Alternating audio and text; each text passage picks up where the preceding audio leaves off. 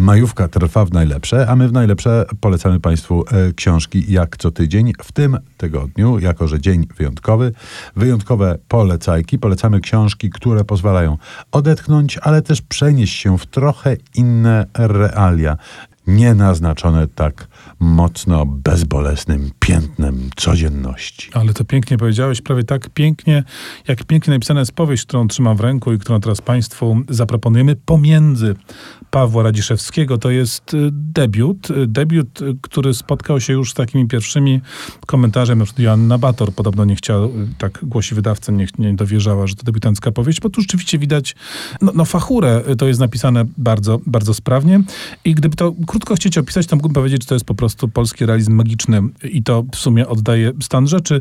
Rzecz dzieje się w Zrębach, to jest miejscowość, wieś, gdzieś tam pośród lasów i bagien się znajdująca i tam będziemy rekonstruować czy poznawać opowieść rodzinną. Ona się zaczyna w czasach no, mniej więcej nam współczesnych, kiedy Pola jest już no, mocno starszą panią, ma syna i wnuka, no ale my się dowiemy, skąd się ten syn wziął, no i tym bardziej skąd się wnuk wziął, co się działo wcześniej. Tam się taki bardzo ważny wątek cygański pojawi i w ogóle będziemy się cofać do czasów XIX-wiecznych. I to wszystko jest utrzymane w takim, skąpane w takim blasku właśnie lekkiej cudowności, nie jakiejś szczególnie dramatycznej, czy drastycznej, czy czy bardzo efektownej, tylko takiej, efektownej w sensie czarodziejskim, tylko takiej właśnie no tak jakby popołudniowe światło, e, takie żółte padało na tą całą historię. Rzeczywiście do zapamiętania się w lekturze i niezłe do ucieczki w zupełnie inne, a jakoś tam nam bliskie światy. No i trochę o to nam chodziło. E, chodziło nam o capkę, chodziło nam o eskapizm, ale nie jakiś znowu dramatyczny i wstrząsający, a że wątków